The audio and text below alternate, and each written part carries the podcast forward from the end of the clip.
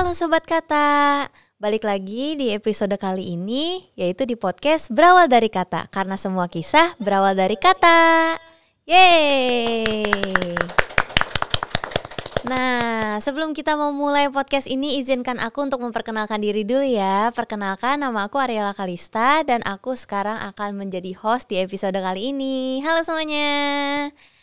Oke, nah kalau kita bisa lihat nih ya, temanya itu hari ini nih ada lilin, ada minyak wangi-wangi, ada salib, ada bunga. Nah, ini tuh berkaitan dengan uh, kedukaan.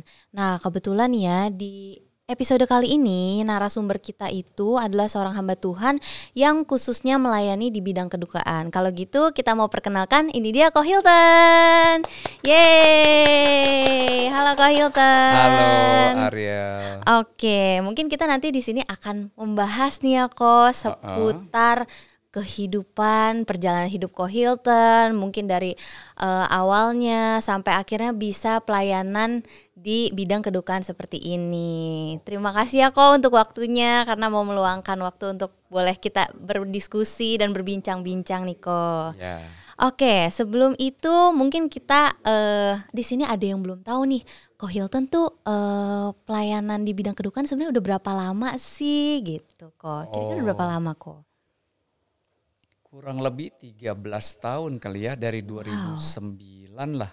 2009 ya kok ya. Yeah.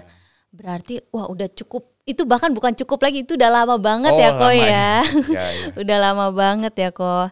Nah, mungkin uh, kalau sebelumnya itu kok sebelum koko pelayanan di bidang kedukaan ini apakah dulu uh, ada pelayanan di bidang lain kok atau mungkin sebelumnya bagaimana nih kok? Oh iya, sebelum di tempat pelayanan kedukaan ini hmm. saya uh, di Gereja Kristus Ketapang ini uh, komisi pemuda pada waktu itu. Oh oke okay. komisi pemuda. Mungkin kalau boleh tahu di tahun berapa tuh kok kira-kira? Bergabung Agustus 2006 tapi oh, 2006. Uh, Januari 2007 baru dikenalkan sebagai oh. hamba Tuhan daripada komisi pemuda. Oh oke. Okay. Nah, uh, akhirnya dari Komisi Pemuda bisa menjadi uh, uh, pelayanan di bidang kedukaan. Nah, itu kira-kira kenapa tuh kok? Apakah waktu itu ada keja suatu kejadian, pengalaman hidup yang membuat Koko akhirnya nih Tuhan memanggil saya untuk pelayanan di bidang kedukaan seperti itu kok? Iya, dari pemuda sebetulnya kami diminta untuk mengurusi sebuah pos dari mm. Gereja Kristus Ketapang. Lalu setelah itu eh, kami merintis eh, pos di satu tempat ya. Nah di situlah ada perjumpaan dengan eh, seorang pelawat yang sudah sakit mm. dan sakitnya cukup menjelang-menjelang akhir hidupnya. Nah, di situlah saya pendampingan uh, bawa dalam doa, baca Alkitab, gitu ya. Nah, di situlah mungkin akhirnya orang-orang mulai tahu dan akhirnya meminta saya untuk menjadi uh, masuk ke dalam bidang kedukaan ini kali ya. Oh iya, berarti uh, mungkin uh, itu suatu proses awalnya gitu ya kok ya iya. Untuk bisa akhirnya sampai ke bidang kedukaan uh, sekarang melayani di bidang kedukaan.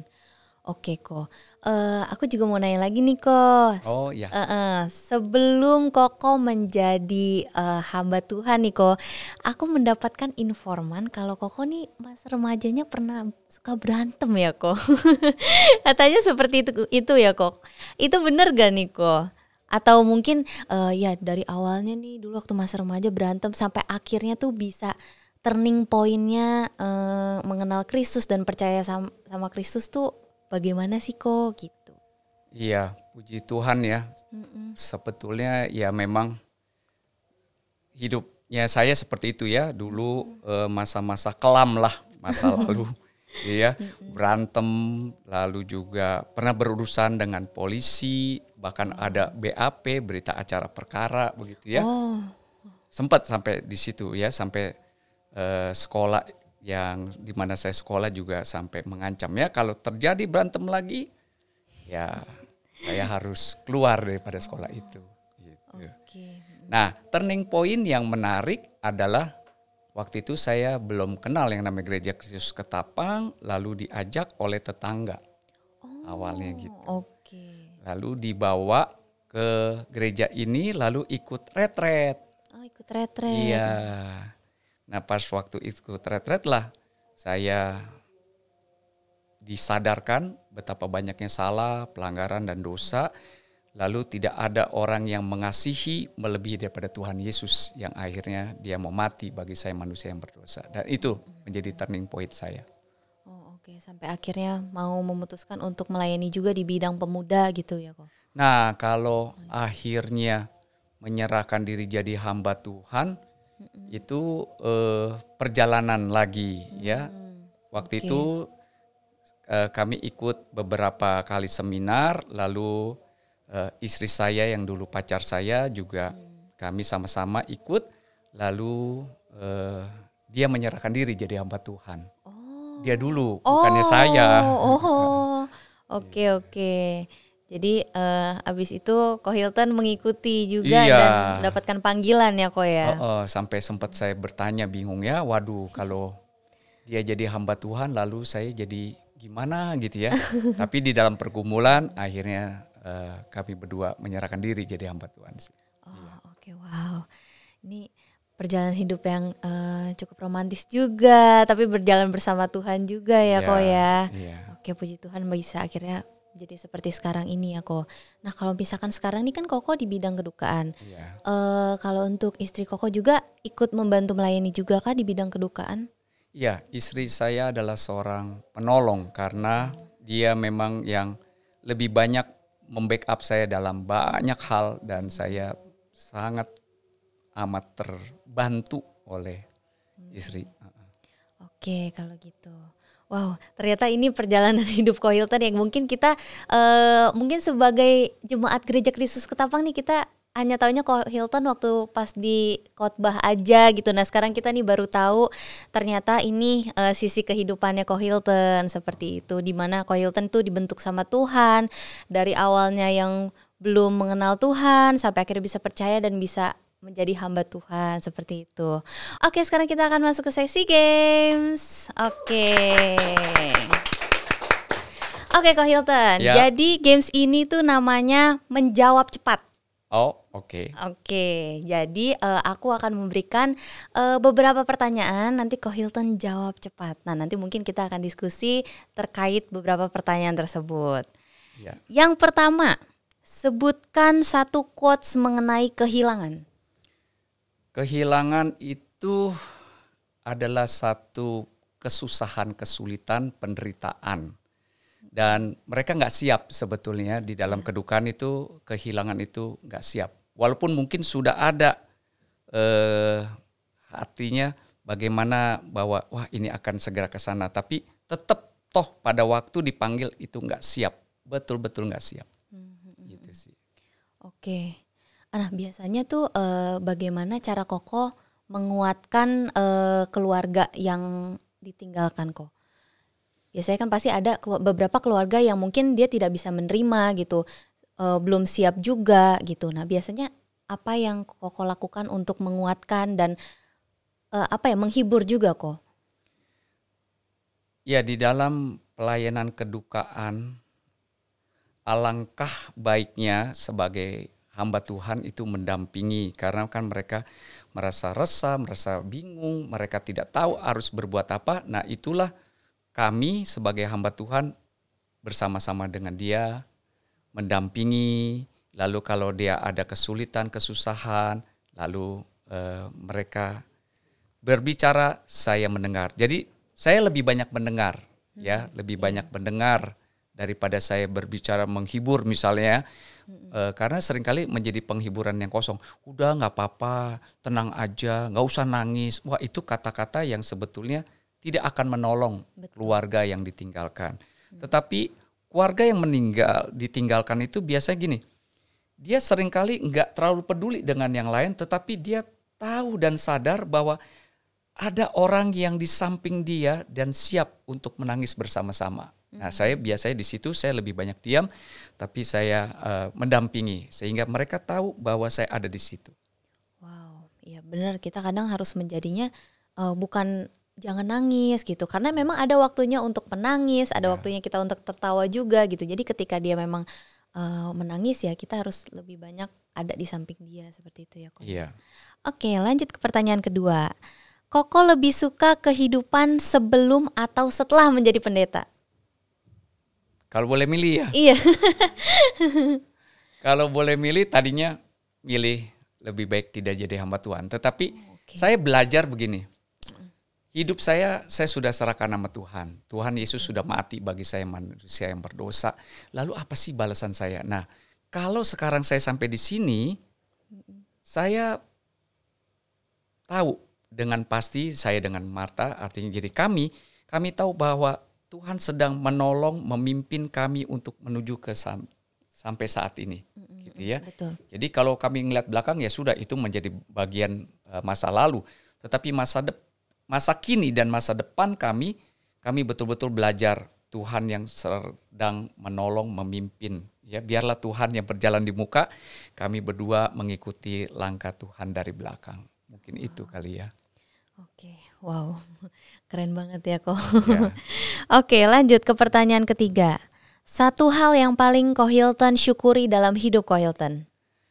Ya, syukuri saya sampai bisa sampai di sini saya tidak sendiri artinya ya. ya. Ada pertolongan Tuhan dan saya mengucap syukur Tuhan kirim ya, ya. istri saya gitu ya lalu juga anak-anak yang saya bisa uh, tumbuh kembang juga karena ada mereka juga mengambil bagian untuk mengisi kehidupan saya ini sih. Oke. Dan ini pertanyaan terakhir Niko. Senang atau tidak melayani uh, pelayanan di bidang kedukaan? Jujur ya? Iya. Langsung jawab ya? Jujur. Awalnya kami bingung loh. Oh, Awalnya okay. kami bingung kenapa kami sampai di sini. Ya, tapi sekali lagi tadi ya uh, belajar bahwa Tuhan nggak pernah salah. Ya. Betul. Ya. Dan Tuhan sedang uh, apa sih pada waktu saya ditaruh di sini saya bertanya dengan uh, istri ya, lalu kami sama-sama berdoa apa sih maksud dan rencana Tuhan begitu loh. Jadi kami belajar begitu bukan kami langsung menolak tetapi kalau Tuhan tak ingin kami ada di situ, pasti Tuhan akan tolong dan kuatkan. Karena buat kami, kami nggak terbiasa awalnya kan. Tadi yang misalnya kami ngurusin pemuda, begitu ya. Lalu setelah itu ngurus di pos, lalu akhirnya ada bakal pos, terus akhirnya pos dan akhirnya pos tersebut jadi mandiri, begitu.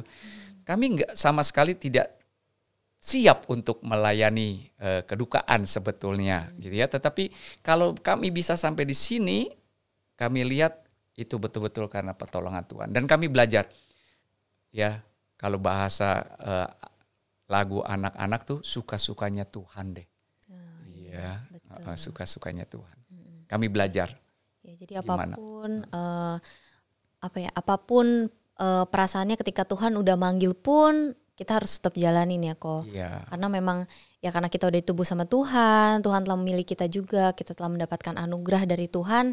Ya kita sebagai anaknya kita juga harus mengikuti apa maunya Tuhan gitu. Karena kan pasti kan uh, Tuhan juga tetap memimpin setiap perjalanan hidup kita. Oke, kalau gamesnya nih kita udah selesai nih kok oh, okay. Nah, sekarang kita mau bertanya-tanya seputar pelayanan uh, kedukaannya Kohilton. Hmm. Nah, Ko Hilton ini kan e, melayani kedukaannya di Gereja Kristus Ketapang ya, Ko. Iya. Nah, biasanya tuh kalau proses kedukaan di Gereja Kristus Ketapang itu tuh seperti apa sih, Ko? Iya. Eh ada hal-hal tertentu di gereja ya. Ini kan pelayanannya nggak ada bookingan ya, kan iya. saya bulan depan mau meninggal ya, tolong uh, di arrange dengan baik dan benar enggak. Iya gitu ya. betul. Ya. Dan tiba-tiba aja meninggal. Nah, pas waktu tiba-tiba meninggal itu kan kami berharap sebetulnya bahwa pada waktu salah satu keluarga yang meninggal mereka ingat gereja aja terus telepon aja gitu ya sehingga eh, kami ada persiapan untuk kami pergi mendampingi dari rumah sakit lalu kami kasih eh, gambaran kalau milih ke rumah duka ini ada lebihnya ada kurangnya kalau rumah duka ini ada lebih kurangnya ya segala sesuatu ada lebih ada kurangnya okay. tetapi terserah tetap keluarga yang akan uh, memilih ya. Gereja Kristus Ketapang ada adalah untuk menjadi tim support bukan mengambil uh, keputusan untuk segala sesuatu ya, tapi kami mensupport. Nah, lalu kami nanya biasanya begini. Kalau saya selalu nanyanya di ujungnya dulu mau ke mana misalnya. Mau makam atau kremasi? Biasanya oh, gitu. Okay. Uh, uh. Kalau mereka bilang kremasi, oke, okay, mau kremasinya di dalam kota atau di luar kota. Ya artinya luar kota bukan sejauh-jauhnya, tetapi Tangerang toh itu udah di luar kota. Hmm. Lalu di Cibinong itu juga luar kota. Nah itu pilihan-pilihan mereka lalu uh, kami dampingin, kami informasikan. Ini loh kalau milih ini uh, ininya begini, tapi kalau milih itu hasilnya itu ya terserah keluarga kayak gitu. oh, gitu. gitu. Berarti kalau kayak gitu tuh gereja udah ada uh, kerjasama dengan uh, vendor-vendor misalkan seperti rumah dukanya atau seperti itu itu ada nggak kok? Berarti kalau dari gereja Kristus Ketapang bekerja gak, sama? Nggak ada secara itu sih karena oh. uh, jemaat gereja Kristus Ketapang ini kan tersebarnya banyak ya. Iya. Uh, uh, jadi misalnya kalau yang uh, pos VTI pasti nyarinya sekitar sana dan kita nggak bisa kerjasama dengan langsung bikin MOU ini ya begitu nggak bisa. Oh, okay. Lalu juga misalnya ada di daerah yang Jakarta pusatnya ke daerah Keramat ya pasti mereka akan memilih rumah duka yang ada di sana seperti hmm, gitu sih. Oke. Okay. Oke, okay, berarti kok kalau misalkan nih uh, mereka sudah pilih misalkan rumah dukanya dan lain sebagainya, nah itu untuk dari acara dan lain sebagainya itu sudah diatur dari gereja gitu ya? Kalau ya. biasanya seperti itu. Jadi kami bertanya uh, yang gereja siapkan yaitu hmm. pertama ibadah penghiburan. Oke. Okay. Nomor satu, kedua ibadah tutup ke petinya mau kapan? Hmm. Ya, lalu setelah itu ibadah pelepasan dan setelah pelepasan apakah mau dikremasi atau dimakamkan? Nah itu uh, kami tanya kepada mereka. Oh gitu. Oh tadi kan Koko ada bilang nih kok tentang ibadah-ibadah pelepasan, penghiburan. Nah kalau seperti itu tuh eh, maksudnya setiap nama-nama ibadahnya itu itu tergantung dengan eh, si keluarganya kah atau misalkan dari gerejanya juga sudah nih kalau misalkan gereja nih sebenarnya ada kedukaan eh ada misalkan apa-apa apanya gitu kok. Iya. Biasanya. Ya jadi itu yang kami bicarakan, tapi misalnya ada hal-hal tertentu, yeah. misalnya ada anak cucu yang masih ada di luar negeri, lalu mereka minta, e, Pak jangan hanya tiga hari, misalnya tujuh hari, ya kami akan coba menangkap uh, kerinduan mereka, lalu kita bicarakan di situ, gitu ya. Oh, lalu juga pernah misalnya tutup petiknya jangan uh, sekarang ya Pak, karena ini masih ada yang masih dari luar negeri masih on the way. Oh ya nggak apa-apa. Jadi sebelum ibadah pelepasan itu semua udah ngumpul, baru kami tutup peti. Oh, Jadi gitu. uh, uh, keberadaan gereja bagaimana mensupport daripada uh, jemaat sih kayak hmm. begitu ya Ariel. Oke, ya berarti uh, sebenarnya ini juga tergantung dari keluarganya juga ya. Kok ada yeah. yang mau cepat, ada yang mau lama juga yeah. gitu. Karena mungkin masih ada keluarga dari luar kota atau luar negeri yeah. seperti itu ya kok. Oke kok. Nah, aku juga mau nanya nih kok, yeah. kalau untuk pengalaman Koko sendiri nih, untuk pengalaman pertama Koko uh, di bidang kedukaan nih kok, kira-kira ada waktu itu kayak gimana sih kok? Dan mungkin ada pengalaman yang tak terlupakan mungkin seperti itu kok. Ada nggak kok kira-kira? Waktu saya pemuda mm-hmm. ini ada satu kisah yang membekas sekali dan sampai sekarang terus membekas begitu ya uh, kami punya guru sekolah minggu yang mm. sangat uh, kami cintai dan sayang ya itu guru sekolah minggu. Lalu dia mengalami kecelakaan motor. Oh. Nah pada waktu kecelakaan motor itu eh, sangat parah waktu itu ya kami melihat. Ya minta maaf kakinya yang biasanya harusnya sejajar ya ini ketarik ke sini ya. Jadi masuk ke eh, dari kakinya pangkal paha itu masuk sampai ke dada oh. begitu ya dan itu eh, mengerikan sekali ya hmm. dan itu sangat membekas dan pada waktu saya datang ke rumah duka, eh, waktu itu kedukaan dipimpin oleh pendeta Bert Rotin Sulu. Okay. Nah, pendeta Bert Rotin Sulu ya langsung manggil, Hilton sini, kamu ikut sama saya. Ya saya bilang, e, saya di depan aja, enggak kamu ini ya. Jadi lalu di situ agak horor sih bagi saya kan karena saya harus melihat muka yang penuh dengan darah, ya kaki penuh dengan darah begitu. Karena tadi saya maunya begini, aduh saya mau kenang dia waktu dia ketawa, dia senyum, dia menyapa begitu loh. Kenapa yang musiknya yang kayak begini horor bener gitu ya. Nah, eh, pendeta Bert itu mengambil eh, arak ya lalu membersihkan. Dan saya diminta untuk membersihkan juga begitu ya. Hmm. Antara takut ada tapi juga eh, ingin menunjukkan kasih sayang kepada guru sekolah minggu ini juga ada begitu ya. Jadi campur aduk dah perasaan pada waktu itu ya. Tapi singkat cerita akhirnya uh, bisa dengan baik begitu ya. Dan uh, yang kesulitan yang kedua itu pada waktu itu matanya tetap melek tuh. Oh wow. Ya dan nggak mau merem itu. Uh, lalu uh, keluarganya datang lalu tutupin matanya tapi melek lagi melek lagi gitu ya ah uh, pada waktu itu saya lihat pendeta Bet ya pendeta Bet bilang jangan dimengertikan macam-macam ya orang yang mati di dalam Tuhan dia sudah bersama dengan Tuhan ya lalu uh, dia menyuruh saya mengambil lagi arak putih itu lalu ditaruh uh, kapas lalu taruh di kelopak mata. Lalu setelah itu pendeta bed urut-urut tuh ya. Hmm. Sehingga pas waktu dicabut kapas tersebut matanya sudah merem begitu oh, ya. Okay. Nah itu tuh iya. pengalaman pertama kali saya bersentuhan dengan yang meninggal. Dan tuh uh, sangat membekas ya kok ya. Membekas. Walaupun tuh udah mungkin udah beberapa puluh tahun yang lalu iya. ya kok. Uh, uh, kalau pakai bahasa kalian pakai membekas bingit kali ya. Bingit, oke okay, ya. bingit, bingit, oke. Okay. Yeah. Oke kok. Uh, nah aku juga ada mau nanya lagi nih kok.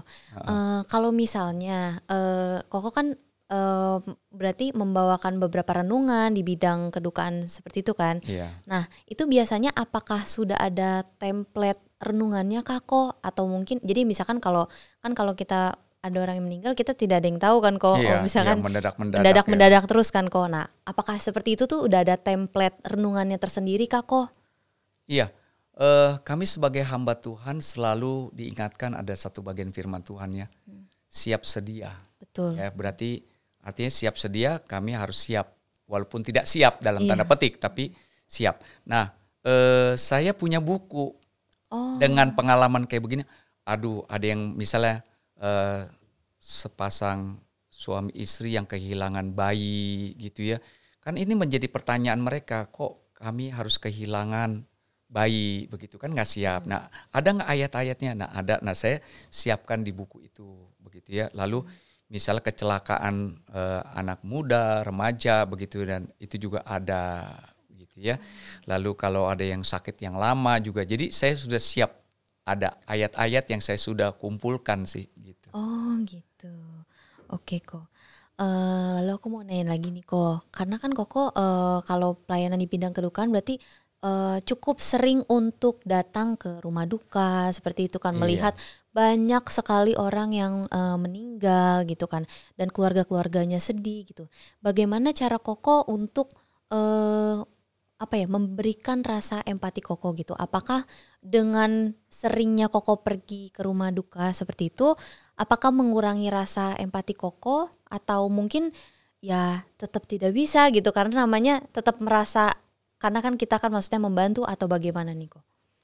Iya, uh, bisa jadi kayak dokter kan sering menangani kasus lalu ah udah biasa begitu ya. Iya. Uh, kalau kami sebagai hamba Tuhan pas waktu mendengar itu saya perlu tenang lalu berdoa dulu sama Tuhan. Tuhan, saya akan pergi uh, ke rumah sakit. Tuhan, saya mau pergi ke rumah duka Tolong saya agar kedatangan saya ini memberikan ketenangan, kenyamanan bagi keluarga yang ditinggalkan, walaupun mereka dalam keadaan yang berduka. Jadi bagaimana bisa timbul empati itu? Itulah di situ ya bahwa saya sedang melayani yang sedang berduka ya. Kalau bahasa anak muda shoulder to cry on. Bagaimana okay. mereka bisa menangis begitu ya dan kita bisa mendampingi mereka. Nah itu yang eh, kalau ditanya apakah kebal lalu saya melakukan ah ini eh, apa ya? Ah udah biasa kayak begini gitu. Oh enggak tidak ya, ya karena saya selalu belajar eh, Tuhan tolong saya kedatangan saya harusnya mendatangkan berkat bagi mereka yang saya layanin kayak gitu sih. Ya. Oke kok. Lalu uh, ada satu pertanyaan lagi nih kok yang ya. aku mau nanya nih. Uh, kalau misalnya sekarang kan uh, Koko nih sering juga melihat misalkan mungkin tadi Koko bilang ada pernah datang ke rumah sakit juga gitu kan untuk menjenguk gitu. Nah, Koko apakah sekarang ini uh, menjadi lebih peka ketika seseorang tuh uh, sudah ada tanda-tandanya ingin dipanggil Tuhan kak kalau karena sering uh, apa ya berfokus melayani di bidang kedukaan seperti itu kok wow pertanyaannya berat nih. Uh, begini uh, kami sebagai hamba Tuhan tuh betul-betul banyak belajar uh, pada waktu sambil melayani itu betul-betul eh, kami bertanya ya, Tuhan, haruskah saya berdiam di sini atau tidak begitu ya, misalnya. Jadi ada beberapa kali ya, jadi eh, saya belajar bahwa Tuhan bisa memakai banyak cara untuk itu ya. Jadi pernah waktu itu orang-orang bilang ya dokter bilang oh ini masih lama beberapa jam misalnya begitu ya. Tapi eh, saya dengan anaknya pada waktu itu kami duduk berdiam, lalu dia bilang, ya Pak, Pak Hilton boleh deh pulang, nggak apa-apa, sudah berdoa gitu. Oh saya bilang enggak deh, saya temenin gitu ya. Hmm. Eh nggak taunya tiba-tiba ngeliat eh, di monitor tersebut tinggal tiba-tiba drop trut, begitu ya. Terus dia menghela napas yang terakhir, terus dia hembuskan begitu ya. Jadi saya beberapa kali menyaksikan itu begitu ya. Lalu saya bilang panggil suster karena ini nih. Dan keluarga kaget. Loh kan katanya beberapa jam. Ya kan dokter ya pala punya alat ukur tapi kan kita nggak tahu. Betul. Usia yang menentukan Tuhan saya bilang begitu ya. Jadi ada beberapa kali saya dampingin, ada beberapa kali dampingin. Tapi apakah saya punya kepekaan yang luar biasa? Kamu harus tetap di situ? Enggak juga. Ada juga pernah uh, pada waktu itu ya saya pas dampingin dan sudah nunggu begitu ya eh nggak jalan-jalan juga misalnya nggak nggak nggak itu ya sudah saya pamit eh pas saya pamit di dalam tol pulang dia oh, iya saya balik lagi jadinya gitu ya iya. ada ya jadi uh, ditanya tadi Ariel adalah kepekaan saya betul-betul masih belajar lah hmm Tuhan uh, yang betul-betul saya belajar kepekaan yang daripada Tuhan. Iya. iya. Wow, oke okay ya. Menarik banget ya uh, perjalanan hidup Ko Hilton mulai dari awalnya sampai akhirnya pun apa ya dari pengalaman-pengalaman menghadapi pelayanan seperti ini tuh memang gak mudah ya kok ya. Banyak rintangannya, banyak mungkin juga emosinya juga. Tapi ya dari sini kita bisa melihat juga sih ya kalau misalkan Ko Hilton tuh dipimpin Tuhan banget gitu, disertai Tuhan banget, diberi kekuatan sama Tuhan banget gitu untuk menjalani pelayanan seperti ini gitu. Nah kira-kira nih kok untuk yang terakhirnya yeah. kok mm -hmm. uh, ada pesan gak sih kok untuk sobat kata yang lagi menonton di sini gitu? Iya, yeah, sobat kata kematian itu tidak bisa kita hindari. Tetapi sebetulnya kalau kita hidup kita bisa mempersiapkan diri ya seperti uh, ada tulisan di sini ya. Sebab jika kita hidup, kita hidup untuk Tuhan. Tuhan. Ya. Dan jika kita mati, kita mati untuk Tuhan. Jadi baik hidup atau mati kita adalah milik Tuhan. Betul. Ya itu yang harusnya menjadi dasar kita ya. Kalau kita masih hidup, mari lakukan untuk Tuhan. Dan kalau kita mati, yakinkan bahwa saya pas menjelang akhir hidup napas saya seperti pada waktu Tuhan Yesus disalib ya mengatakan ke dalam tanganmu lah kuserahkan nyawaku. Oke. Wow, terima kasih banget ya Ko Hilton untuk waktunya, mau sharing-sharing juga sama aku dan sobat kata di sini. Dan apa ya, aku aja secara pribadi pun mendapatkan banyak pembelajaran di sini gitu uh, bukan hanya di bidang pelayanan Hilton tapi mungkin dalam panggilan hidup pun juga sama gitu. Mungkin sering kali kita apalagi sebagai anak remaja maunya mengikuti keinginan dan kesenangan kita gitu kan. Yeah. Tapi ya kita belajar ketika Tuhan mau manggil kita, senang atau tidak kita harus tetap jalanin gitu karena ya kita itu miliknya Tuhan seperti kata Kohilton. Oke sobat kata terima kasih sudah menonton episode kali ini. Jangan lupa juga untuk terus nonton podcast berawal dari kata setiap bulannya di minggu pertama jam 7 malam dan kalian juga boleh untuk like, komen dan subscribe di YouTube channel Gereja Kristus Ketapang. Nah, misalnya kalau misalnya kalian ada ide-ide nih atau harapan-harapan atau mungkin uh, kira-kira uh, apa sih yang mau dibahas nih untuk uh, episode berikutnya? Kalian bisa tulis di kolom komentar. Dan uh, podcast berawal dari kata ini juga sudah bisa menemani kalian di Anchor FM dan di Spotify. Untuk linknya kalian bisa cek di description box. Terima kasih telah menonton podcast ini podcast berawal dari kata karena semua kisah berawal dari kata. Titik